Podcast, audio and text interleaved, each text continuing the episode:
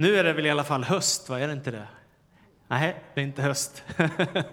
I Värmland blir det aldrig höst helt enkelt. Det är fortfarande sommar, okej, okay. då vet jag det. Det känns som att det börjar bli höst i alla fall. Och huvudpersonen för den här terminen, för den här hösten i vår församling i predikan, det kommer vara Jesus. Hela hösten så ska vi predika om Jesus. Och vi har tagit hem Niklas Piensos senaste bok som heter 100 dagar med Jesus. Den finns nu i pocketversion och är jättebillig så att det kan du köpa och läsa hela hösten en andakt om dagen nästan fram till december slut, i alla fall i mitten på december. Den finns här ute att köpa, så vet du det. För några år sedan så var jag i Stockholm och så skulle jag åka till några vänner och hälsa på dem. Och vi, eller jag, kom till tunnelbanan tog de här gigantiska rulltrapporna ner för och så kom jag fram till tunnelbanestationen dit jag skulle komma för att stiga på tåget. Och så när jag gick där längs med perrongen så stod, såg jag att det stod på tunnelbaneväggen där. Jesus är svaret, men vad är frågan? Den var väl ganska klurig, va? Det är någon som har gått och tänkt på det. Jesus är svaret, men vad är frågan? Och dessutom har den här personen, vem det nu kan ha varit, hoppat ner på spåret, alltså stått där och sprayat med en sprayburk. En ganska farlig livsinsats tycker jag, att ställa sig på spåret för att få upp det där budskapet. Jag minns att jag funderade på vad den där personen kan ha haft i, i tankarna när man gör en sån sak. Varför vill man ställa frågan om Jesus så provocerande? Varför riskerar man nästan sitt liv för att få upp det där med en sprayburk på väggen i tunnelbanan? Ja, det är märkligt. Så att alla som gick förbi där kunde se det. Sen är det bara problemet att det finns sådana som jag, vid ett antal, som läser och som läst teologi och som läst mycket i Bibeln och som försökt förstå vad kristen tro är. Och då är det ju så faktiskt att det finns ju massa frågor som Jesus svarar på, eller hur? Det finns ju rätt så många existentiella frågor som Jesus har svarat på. Till exempel, finns Gud? Jesus svarar ja på den frågan. Var kommer hela detta väldiga universum vi lever ifrån? Jesus säger att det kommer ifrån Gud. Finns det någon mening med, den här livet, med det här livet och med den här tillvaron? Jesus svarar, älska Herren din Gud av hela ditt hjärta, hela din själ, hela din kraft. Älska din nästa som dig själv. Finns det förlåtelse för misstag man har gjort? De där skuldkänslorna man kan bära med sig i vardagslivet, finns det något hopp om upprättelse, barmhärtighet? Jesus har svarat med att offra sitt liv på Golgata kors för hela världens frälsning så att alla människor som bekänner Jesus som Herre och tror på hans namn kan få räddning, gemenskap med Gud och syndernas förlåtelse. Det finns en som kan förlåta. Vad händer efter döden? Finns det något liv efter döden? Jesus svarar genom att uppstå ifrån de döda och säga att det finns en väg till himmelen för varje människa som vill bekänna honom som Herre och som vill leva i tro på honom, Jesus Kristus. Så jag vill hellre sjunga med Andrew Crouch än att bara ställa en fråga, vad är, frågan med Jesus? Så vill jag sjunga med Andrew Crouch. Jesus, han är svaret för vår värld idag och han har makt att göra under än idag. Det är kristen tro. Det finns ingen som kan jämföras med Jesus i vår värld. Vi räknar hela vår tideräkning ifrån Jesus Kristus efter hans födelse. Nästan alla svenska högtider handlar om Jesus. Jul, påsk, Kristi himmelfärd, pingst, annandag pingst och vad du vill. Alla de här dagarna som vi firar eller har firat, det är kristna högtider som har sin grund i Jesu eget liv. Och i tusen år i Sverige så har vi firat högtiden som är söndagen där det handlar om att Jesus Kristus uppstod ifrån de döda och lever här och nu, är levande idag. Därför firar vi gudstjänst över hela världen, i alla världsdelar. Vi firar att Jesus Kristus är uppstånden och att döden inte har sista ordet. Varför kom Jesus till oss? Jesus svarar själv i Johannes evangeliet, det 18 kapitlet och den 37 versen. Jag har fötts och kommit hit till världen för denna enda sak, att vittna för sanningen. Jag har fötts och kommit hit till världen för denna enda sak, att vittna för sanningen. Så det Jesus har att komma med, det är sanning till människor. Men han sträcker sig ännu längre genom korset, uppståndelsen och kan ge räddning och evigt liv och förlåtelse. Men Jesus har kommit för att vittna om sanningen. Och om man då ska se på Jesu ursprung, var kommer han ifrån och hur kan vi veta att vi kan lita på hans ord? Då kan man börja titta på evangelierna som skriver om hans liv. Om man börjar i Matteus evangeliet så blir man snabbt indragen i en judisk släkttavla. Det är ganska märkligt, men jag ska komma tillbaka till det. Om man läser Markus evangeliet så står det, här börjar glädjebudet om Jesus Kristus, Guds son, världens frälsare. Pang på bara. Om man läser Lukas evangeliet så säger evangelisten, många har redan sökt ge en samlad skildring av de stora händelser som har ägt rum ibland oss. Och nu, käre Teofilos, har jag också beslutat mig för att skriva ner detta i rätt ordning. Och så kommer Lukas evangeliet.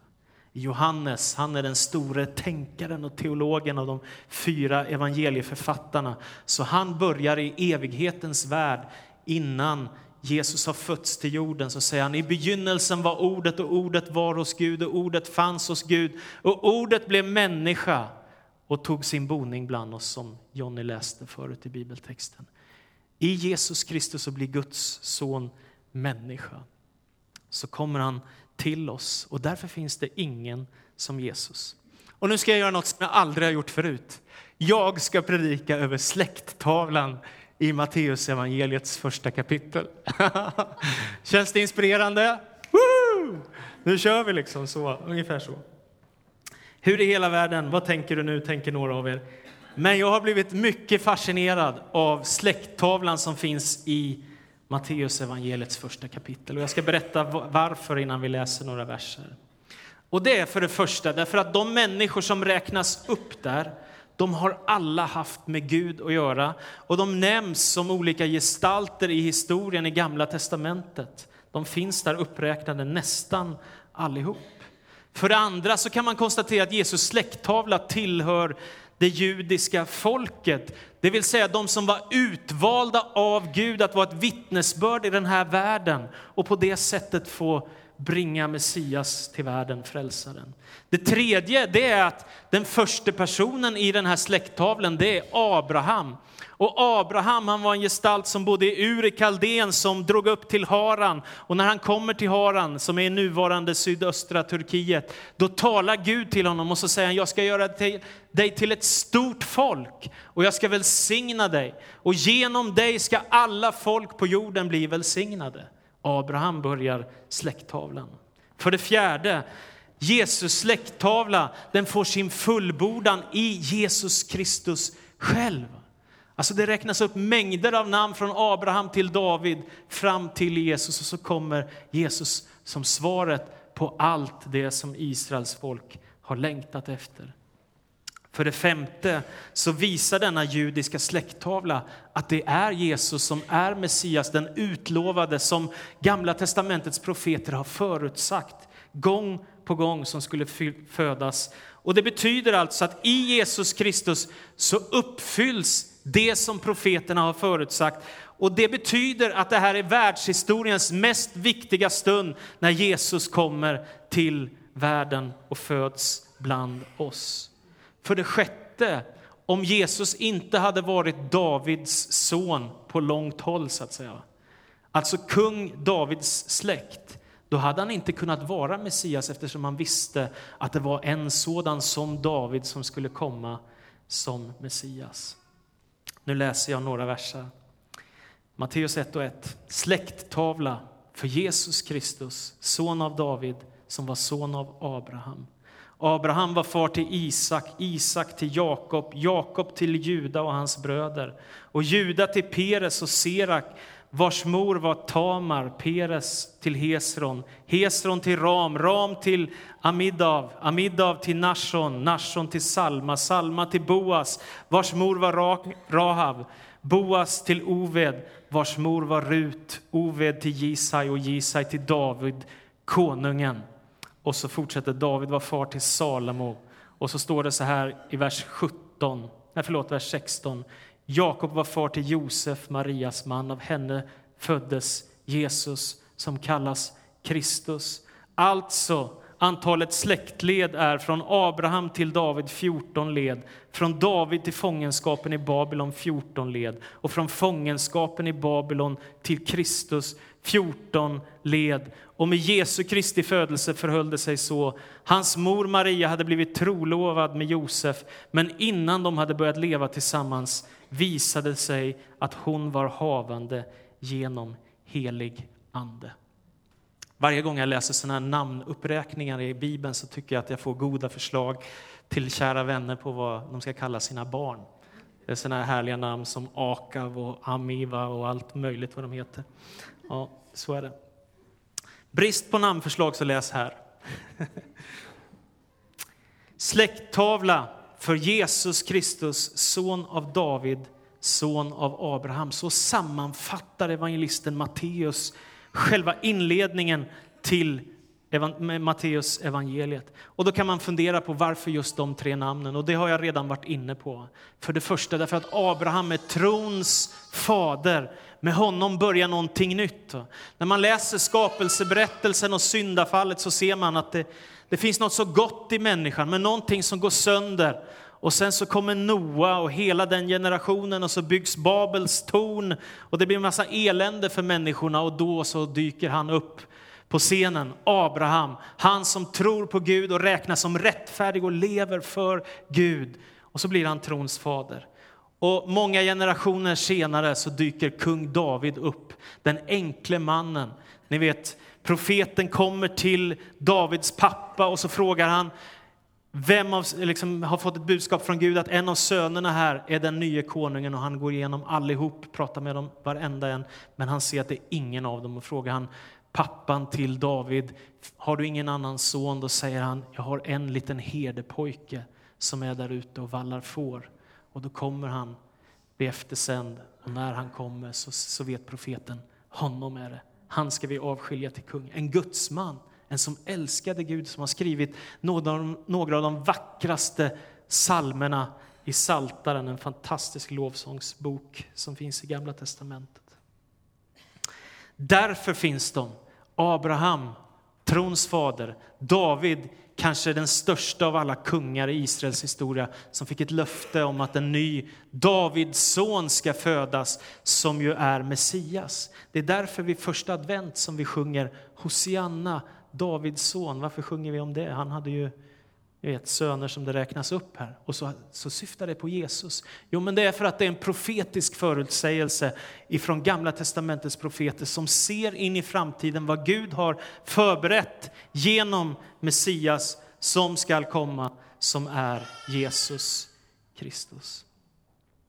Jag minns i slutet på mina tonår när jag började läsa Bibeln på allvar. Jag blev så hungrig på Gud och jag blev så hungrig på att läsa Bibeln så jag plöjde igenom. Och när jag hade gått bibelskola och vi var ute i team och reste runt tillsammans ett gäng ungdomar över Sverige för att vittna om Jesus på gator och torg och allt möjligt. Då gjorde vi en tävling vem som kunde läsa igenom Bibeln snabbast. Härligt. Gissa vem som vann. Det var jag. ja, jag har aldrig gjort något sånt sedan dess. Det var lite omoget, men eh, roligt var det. Men någonting hade hänt i mitt liv. Jag hade fått upp ögonen för vem Jesus verkligen är. Och ju mer jag läste, ju mer fascinerad blev jag. För det var som att det öppnade sig horisont efter horisont. Mängder av nya dörrar bara öppnade sig när jag såg på vem Jesus verkligen är. Och så förstod jag i min läsning av Bibeln och i Nya Testamentet att det finns ingen som Jesus. Det har aldrig gjort det och det kommer aldrig att göra det. Han är helt unik i världshistorien. Ingen är som han. Och därför att lära känna honom är det största en människa kan få göra med sitt liv. Jag minns också att jag lyssnade på Jerusalem, en rockgrupp, kristen rockgrupp. Och Ulf Kristiansson, jag tyckte jättemycket om honom. Jag kunde identifiera mig med honom. För jag höll på med rockmusik då på den tiden. Och så vet jag att han har skrivit en sång som lät så här. Jesus, han är det underbaraste som någonsin har hänt mig. Och det är som att det bara slog an, ja men precis så är det för mig också. Jesus är det mest underbara som har hänt mig. Jag kan inte fatta att jag har fått bli berörd av honom. På 1900-talet fanns en fantastisk biskop i Svenska kyrkan som hette Nils Bolander. Ni som är lite äldre och har svenskt ursprung, ni vet säkert vem han är. Han skrev mängder av böcker och var mycket känd, otroligt skicklig författare. Och han skriver en text om Jesus så här. Kristus, en i raden av mänsklighetens eviga följeslagare? Frågetecken. Ett av namnen på en strålande elitlista. Sokrates, Buddha, Mohammed, Augustinus, Franciscus. En staty att ställa upp i Pantheon tillsammans med andra heroes. Ja, och ändå nej. Det räcker inte. Jesus vill inte veta av denna placering, detta inrangerande i ett lysande följe. Han är den ojämförlige, den enastående. Det finns ingen som Jesus. Ingen som kan ge det han kan ge. Det finns ingen som Jesus. När Matteus har avslutat sin släkttavla så går han rakt på Jesu födelse. Och när han ska beskriva Jesu födelse så är det något oerhört dramatiskt som sker. Jungfrun Maria blir havande genom helig ande. Det är ett mirakel ifrån Gud som anknyter till de profetiska orden ifrån Jesaja 7 där det står att den unga kvinnan, jungfrun, skall bli havande och föda en son. Det är profetiskt förutsagt 700 år tidigare och så fullbordas det i Jesus Kristus. Där går det i uppfyllelse. Samtidigt ungefär som Jesus ska födas så finns det en annan gestalt som är väldigt viktig, Johannes döparen. Och det är intressant att se på de här två gestalterna, Jesus och Johannes döparen. Kontrasten kunde inte bli större. Därför att Johannes döparen, hans pappa, är präst i templet. Det vill säga, han går in i det mäktiga templet i Jerusalem och ställer sig där i sina vackra prästkläder. Och när han är där i gudstjänst inför Gud, inför Guds ansikte, så talar Gud till honom och så får han ett budskap att han ska få en son. Och så är det så oerhört dramatiskt. Och en förnäm prästfamilj i Jerusalem får en son som heter Johannes. Väldigt, väldigt förnäm och fin familj. Denna kontrast mot Josef och Maria som är släkt med Elisabet, Sakarias, prästens fru. Josef och Maria, de är fattiga. De bor i en okänd småstad som heter Nasaret. Och också till Maria så kommer Gud och talar genom en ängel och han säger till Maria, var hälsad du högt benådade. Och så får hon ett budskap av Gud att hon ska föda en son och ge honom namnet Jesus och han ska vara den högstes son och Guds son. En ung tonårsflicka i en okänd småstad som heter Nasaret får uppdraget att föda Messias. Är ni med på kontrasten? Johannes, prästsläkt i templet med de vackra byggnaderna, de vackra kläderna, de högt uppsatta människorna Josef och Maria, den lilla småstaden, fattiga människor. Dit kommer Gud för att uppenbara sin son Jesus Kristus. Under de enklaste tänkbara former föds han. Och det är inte ens så att Jesus får vara hemma i Nasaret, utan han måste dra iväg, eller hans familj måste dra iväg till Betlehem. Men det är också märkligt, om Jesus hade fötts i Nasaret så hade inte profetiorna uppfyllts. Men nu är det så att profeten Mika har sagt att av dig ska komma en stor förste som ska födas i Betlehem, du ringa lilla stad. Och precis när Josef och Maria är på resa för att skattskriva sig i Betlehem, vad händer? Jo, Jesus, det är hans tid för att födas i en enkel grotta eller kanske ett enkelt stall eller vad det nu är. Jag har vandrat där, det är väldigt enkla ängar som finns där. Herdar går där fortfarande. Oerhört enkelt, väldigt, väldigt enkelt. Där föds Messias av en tonårsflicka. Och jag tänker på det här skälvande ögonblicket när Gud kommer till Maria och han säger vad han vill ska ske med henne. Och hon svarar, jag är Herrens tjänarinna må det ske med mig som du har sagt. Detta måste vara det största som har hänt i historien. En tonårsflicka i Nasaret föder en son i Betlehem som hela världen talar om 2000 år senare. Så enkelt det bara kan bli, så är det. Ändå så talar vi om Jesus idag i miljontals kyrkor med antagligen ett par miljarder åhörare som lyssnar på evangeliet om Jesus Kristus, Bibelns budskap, Nya testamentets hopp. När Maria har fått budskapet från Gud att hon ska föda Jesusbarnet, då brister hon ut i lovsång. Och jag tycker alltid det är intressant att fundera på varför människor sjunger. Vad är det man sjunger om? Det brukar alltid vara något som finns i ens hjärta som blir till sång. Kärlekssånger, vackra dikter, att man är förälskad eller tycker om någon eller att man har sett en vacker strand, ett vackert hav, ett vackert berg. Och så skriver man sånger om någonting som man har upplevt som är stort. När Maria har varit med om detta, då börjar hon lovprisa Gud och hon lyfter sin blick mot himlen och säger, Lukas evangeliet 1.46. Min själ prisar Herrens storhet, min ande jublar över Gud, min frälsare. Han har vänt sin blick till sin ringa tjänarinna. Från denna stund ska alla släkten prisa mig salig. Stora ting låter den mäktige ske med mig. Hans namn är heligt och hans förbarmande med dem som fruktar honom varar från släkte till släkte och han gör mäktiga verk med sin arm. Maria tonårsflickan från Nasaret kommer till Betlehem och får föda Messias under enklast tänkbara förhållande. Därför brister hon ut i lovsång och tillbedjan till den evige. När min mamma fyllde 70 år så tänkte jag måste göra något roligt för henne. Jag måste tacka för barndomen, för alla år, för all hjälp, för allt stöd, för all matlagning, för all omsorg, för alla kramar och alla pussar och allt vad det nu kan vara som en mamma ska ge till sina barn. Jag ville tacka för allt och för att hon har varit barnvakt åt mina barn många gånger och sådär. Så jag lyckades hitta riktigt billiga flygbiljetter till Rom.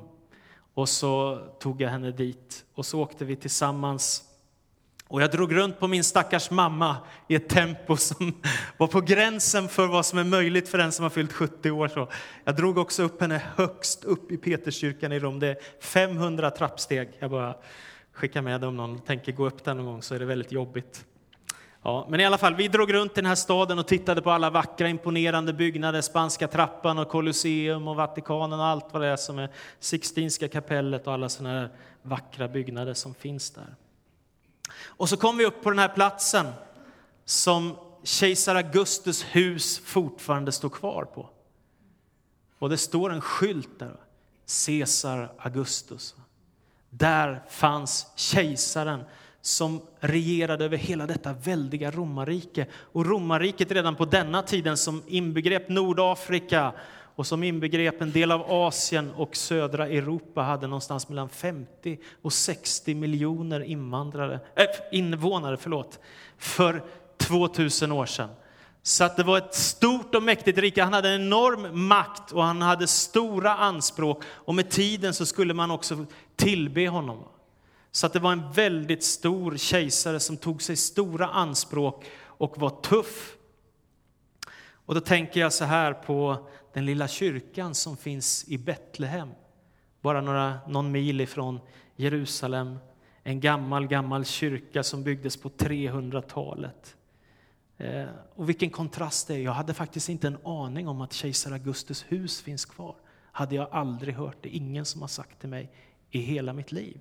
Men däremot har jag sett kyrkor som i Betlehem över hela världen. I olika världsdelar har jag sett att det finns människor som tillber Jesus Kristus, som tror på Gud och lever för hans ära och tar emot helig ande och kraft. Så Augustus med all sin makt, han förmår inte att vara i närheten av det som Jesus gör med världshistorien. Han påverkar miljoner människor i sin tid, ändå så slutar vi nästan prata om honom. Vi har kommit ihåg honom tack vare några kröniker och historieböcker och tack vare att han finns i Lukas evangeliet omnämnd. Det är ingen som har byggt massa sådana hus som Augustus, men däremot så finns det miljontals kyrkor över hela världen där man förkunnar glädjebudet om Jesus.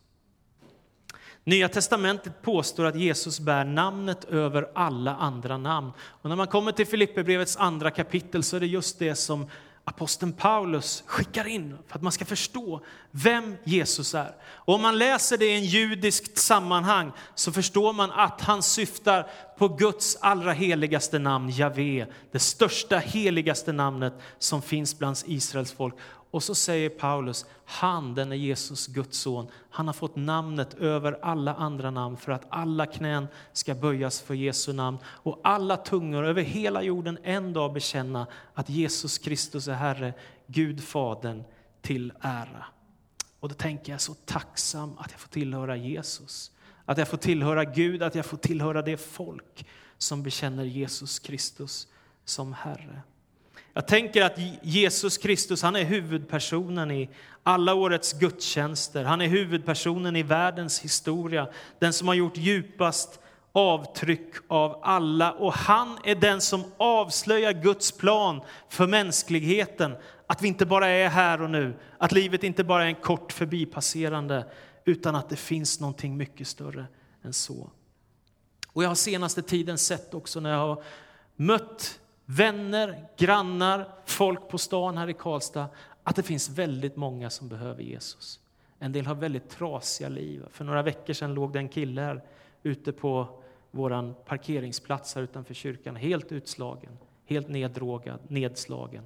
Och jag gick och pratade lite med honom och några från RIA kom och hjälpte till. Och lite så. Det finns så många människor som behöver evangeliet om Jesus. Och vårt budskap är detta att vår tro vilar på någon som är så mycket större än oss själva. Och genom Jesus Kristus tänker jag mig att vi inbjuds till den stora verkligheten som har med Gud och himmelriket och universums ursprung och framtid och mål att göra. Det är därför vi predikar om Jesus i Afrika, i enkla lerhyddor ute i byarna, till de mest imponerande katedraler som finns i Europas huvudstäder och vad det nu är. Överallt hörs budskapet om Jesus Kristus. Och om du slår in på vägen som är Kristus, då är du redan på väg mot målet, det mål som Jesus Kristus är. Har du inte påbörjat den resan så börja den. Sätt igång den i ditt liv. Du kan missa storheten med livet genom att missa Jesus. Om man inte förstår vilka enorma händelser som har hänt i Jesu liv, tack vare att han är den levande Gudens son, då faller man inte på knä.